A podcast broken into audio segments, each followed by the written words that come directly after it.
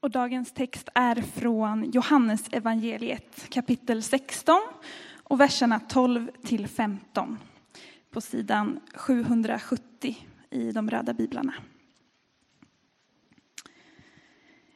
Jag har mycket mer att säga er, men ni förmår inte att ta emot det nu. Men när han kommer, sanningens ande, ska han vägleda er med hela sanningen. Han ska inte tala av sig själv, utan förkunna det han hör och låta er veta vad som kommer att ske. Han ska förhärliga mig, ty av mig ska han ta emot det han låter er veta. Allt vad Fadern har är mitt. Därför säger jag att det är av mig han tar emot det han ska låta er veta. Så lyder det heliga evangeliet. Lovad vare du, Kristus. Temat den här söndagen är Hjälparen kommer. Och nu går vi i kyrkoåret in i de här texterna eh, som handlar om Anden. Det är ju pingst nästa helg. Eh, och då får vi ju läsa om hur lärjungarna blir fyllda av helig ande som, som, de har, som de väntar på. Men den här söndagen, idag, så eh, kommer vi att lyssna på det här samtalet mellan Jesus och lärjungarna när han talar om vad som kommer att hända när han själv inte är fysiskt närvarande längre. Vad är förutsättningarna då? Vad är, vad är det då? Hur ser det då ut att vara lärjunge? Är de bara hänvisade till att klara sig själva? Att använda sin egen tankeförmåga, sina egna resurser och försöka komma ihåg så gott det går vad Jesus, vad var det nu han sa där borta? Eh, vi måste, alltså, var de bara hänvisade till sig själva? Och Jesus han säger i den texten vi läste nu så här till lärjungarna. Jag har mycket mer att säga er, men ni förmår inte ta emot det nu. Det är väl intressant? Det här är den mänskliga aspekten. Det är klart Jesus vill berätta allt för, för, sina lärjungar. Allt han visste vill han ju lämna över till dem. Men han inser det, att de förmår inte att ta in det här i ett enda stycke. Det är därför som Jesus tänker tanken att detta måste portioneras ut. Och det måste portioneras ut över tid. Och det är här den helige Ande kommer in i den, i, i den processen. Som en hjälpare. Och budskapet i texten idag är tydlig. Ta det lugnt. Hjälp är på väg. Hallå, lärjungar, ni som är så vilsna nu. Hjälpen kommer. Och det är klart att lärjungar hade nog med att processa allt det som de hade varit med om den sista tiden. För det hade ju minst sagt varit omtumlande för dem. Så det rymdes liksom inte mer i hårddisken. Den var så att säga full. Och så är våra liv också ibland. Jag vet inte om du kan känna, känna igen dig i det. Att vi är fyllda av omfånget kanske, av våra egna bekymmer.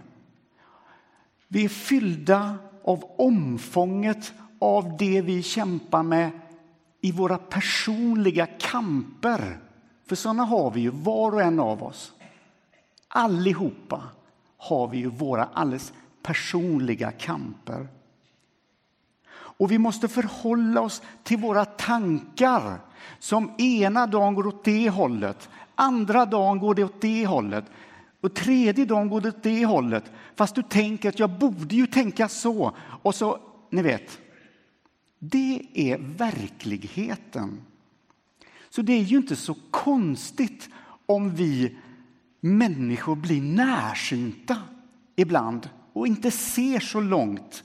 Vi förmår inte, som vi också läser någon annanstans, vi förmår inte ta in vidden, höjden, djupet av de andliga sanningarna. Vi kommer inte åt det. Jag har mycket mer att säga er, men ni förmår inte ta emot det. När jag var ung så levde jag ett ganska självförbrännande liv. Jag fick helt enkelt inte ordning varken på mina tankar, vad jag ville, vem jag var. Jag sökte på fel platser för att få någon slags lättnad i mitt liv, för att få någon slags frid, få någon slags ordning. Och det här var en grymt rörig period i mitt liv. Eh, tung period. Och när jag ser tillbaka då på mitt andliga lärande så förstår jag så här i backspegeln då att anden har ju fått ta mycket hänsyn till hur jag har mått många gånger. Han har fått förhålla sig till det och utifrån det så har han guidat mig framåt, ibland millimeter för millimeter. Sån är han, anden. Millimeter för millimeter. Och anden är sänd till världen för att vägleda oss rätt. Och vår värld behöver sannerligen Gud. Och jag behöver Gud och du behöver Gud. Och vi är många som behöver led, ledning inifrån hur vi ska orka leva. Hur, vi, hur, hur ett gott liv ska konstrueras. Hur ser det ut att leva ett liv för andra människor? En av världens bästa rockröster har tystnat. Min personliga favorit Chris Cornell sångare i grungebandet Soundgarden och Audioslave. Han tog sitt liv efter en konsert i Detroit. Jag tror det var den 19 maj i år. Otroligt sorgligt. Och det visar att det är så svårt att vara människa och vilja rätt, men så blir det så fel. Och en jag satt här om kvällen och lyssnade lite på hans gamla låtar. Och då, och då lyssnade jag på en låt där han riktar sig i sin desperation, för det finns ett tryck i den här sången, en, i sin desperation direkt till Gud. Och han säger så här. Nail in my hand from my creator. You gave me life. Show me how to live. Nail in my hand from my creator. You gave me life. Show me how to live. Alltså, du gav mig livet, men visa mig då hur jag ska leva.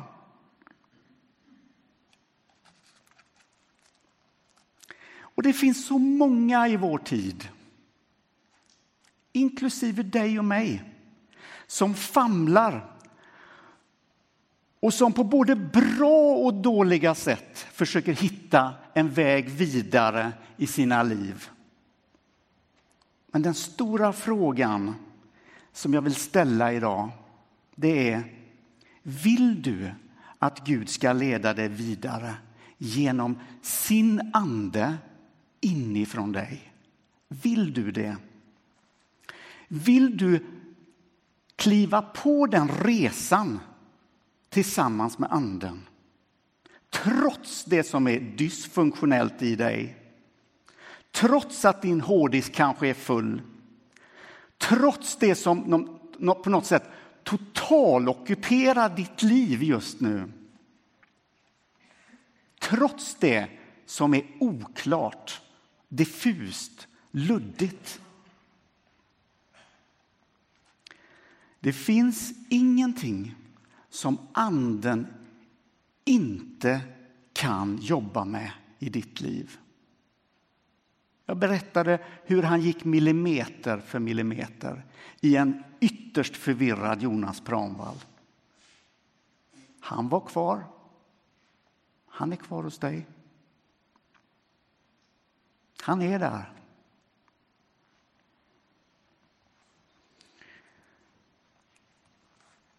Andens stora uppgift är att portionera ut sanningen i små ätbara bitar längs vägen.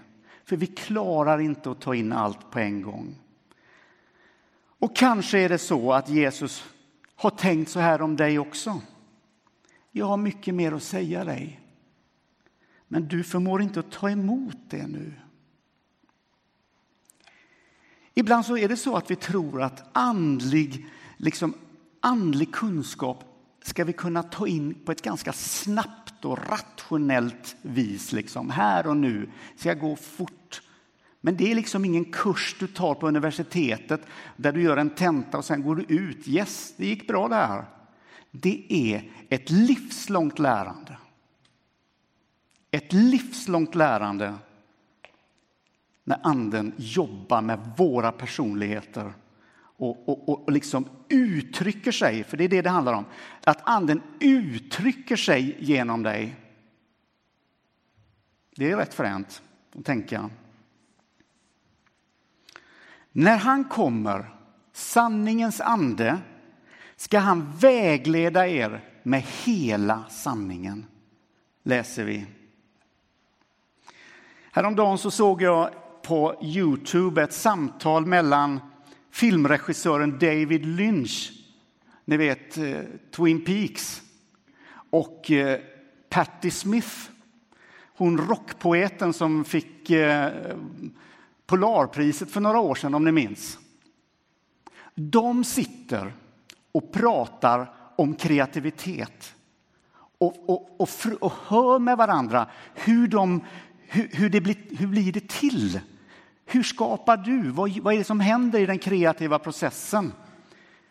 Eh, ett, kolla in det. Det är väldigt, väldigt intressant. Speciellt du som känner att eh, skapande är viktigt. Det är ett extremt intressant samtal, tycker jag. Och David Lynch han beskriver det så här, ungefär då, med mina ord. Det är ungefär så här, när han ska bli skapa någonting och göra någonting. Det är ungefär som det finns ett rum bredvid. Och i det rummet så är, finns det ett pussel. Ett färdiglagt pussel. Han är här. Och ibland, säger han, så får jag en bit av det där pusslet från det rummet som är bredvid. En litet fragment, säger han, som han börjar jobba med. Och sen kanske han får en pusselbit till. Och så framkommer en bild och så, och så skapas någonting. Någonting blir till liksom i hans kreativitet. Okej, okay? det här handlar ju om kreativa processer. Men jag då, som är lite så här religiöst överladdad, jag kunde inte låta bli att tänka på den här bilden med rummet intill. Och så. Och, och är det inte så att i det andliga livet så finns det ett intilliggande rum där hela pusslet ligger lagt, där bilden syns. Allting är klart. Och ibland så hjälper Anden oss att få en liten pusselbit, ett litet fragment att jobba med. och så ett till och så jobbar han på så. Hör ni detta? Anden, den stora pedagogen. Den stora pedagogen.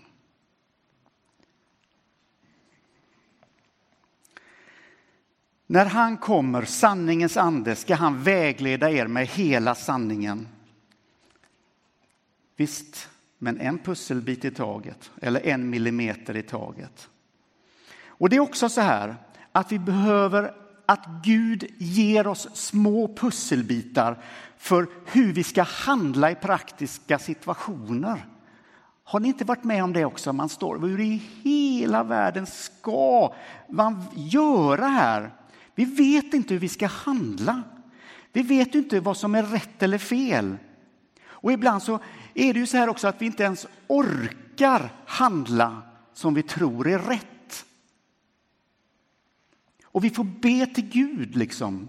Gud, hur ska jag göra för att det här ska bli bäst? Och ibland är det pest eller kolera.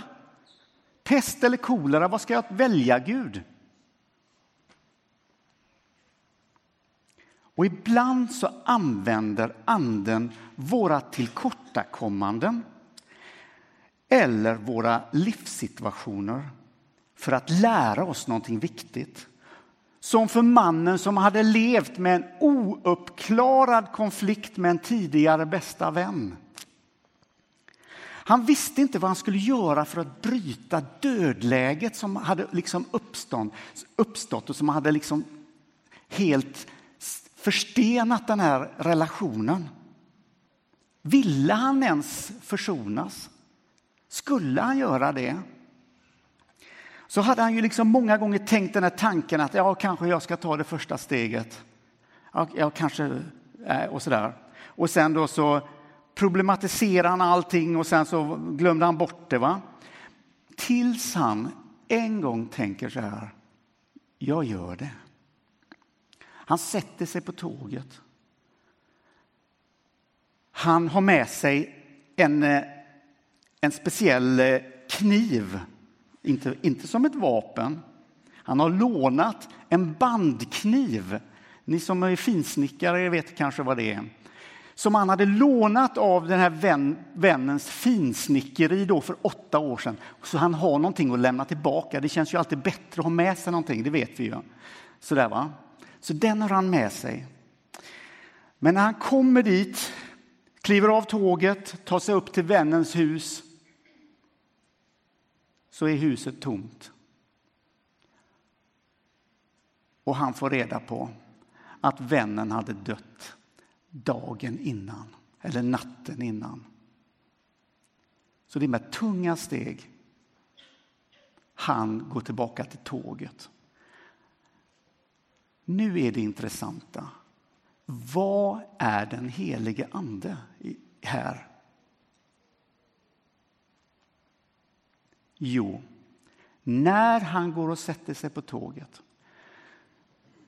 så börjar han minnas alla maningar han har haft här inne genom de här åren. Att han ska åka och försona sig. Han börjar han börjar minnas dem. Kanske är det anden som, som gör det. Och han beskriver det här sedan i efterhand som att där och då, genom att han minns de här sakerna, där och då så blev det ett skifte i mitt liv. Där, efter detta så började han ta sina, de inre maningarna på allvar på ett helt nytt sätt.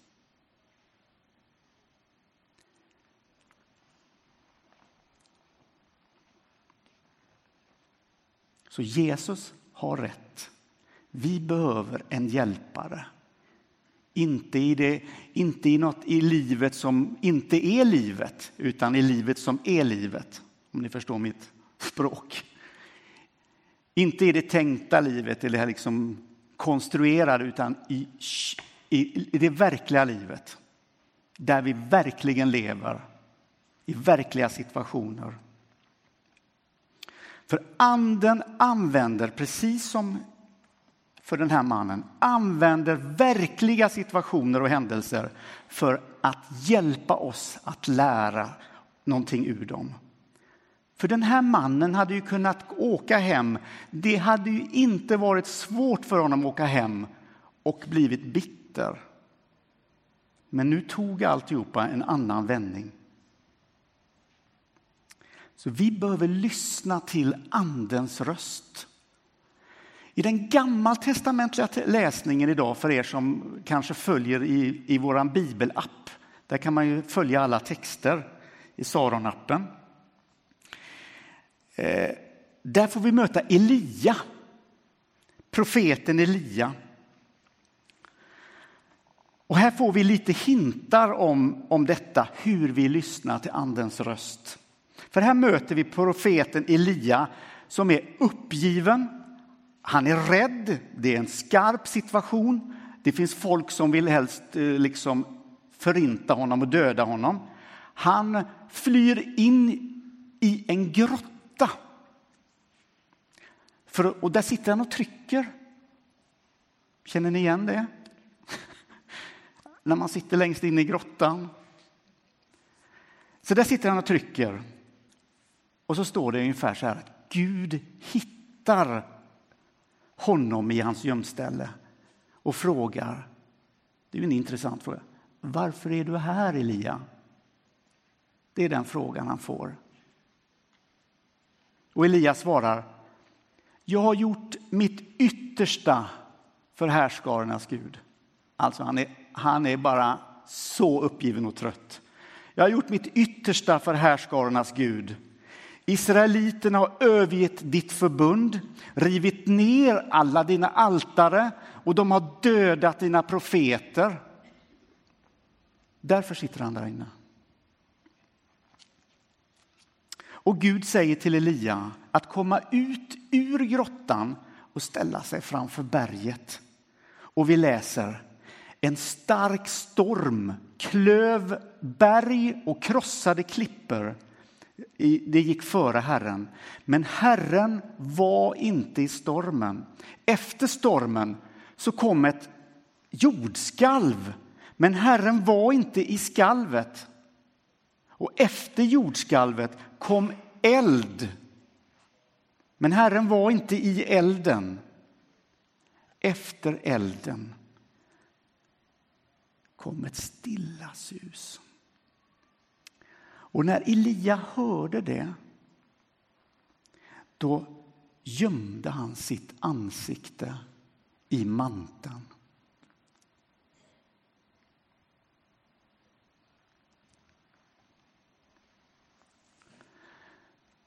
Då kom han nära Gud. Och det är där Gud också ger honom uppdraget vad han ska göra hur han ska gå vidare. Detta säger oss att stillhetens plats, det är ofta där vi finner Gud och hör Anden tala. Här har vi mycket att jobba med i vår uppspidade kultur, faktiskt.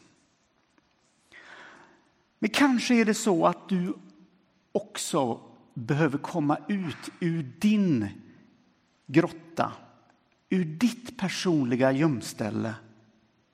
Tänk om Gud vill utmana din flyktbenägenhet. Tänk om det är så att Gud vill säga till dig som har ett beteende av att fly. Kom ut och ställ dig i susningen, i den stilla susningen.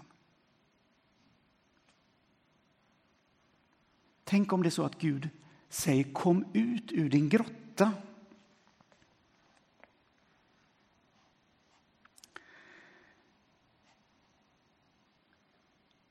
Så Gud ville använda Elia i ett uppdrag som väntade på honom. Inte i egen kraft. Det han gjorde kom han på Gud. Så också för lärjungarna som Jesus pratar med. De skulle ju om en vecka få kraft från höjden för att sedan gå in i det som väntade dem, inte i egen kraft. Det skulle komma an på Gud. Och vad väntar du på? Kom ut och ställ dig i den stilla susningen.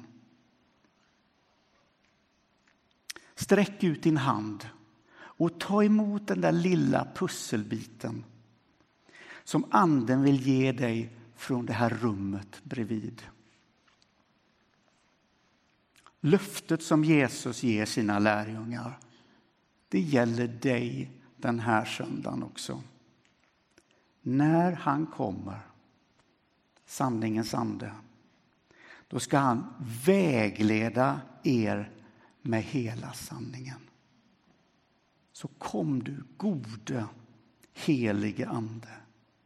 Kom. Amen.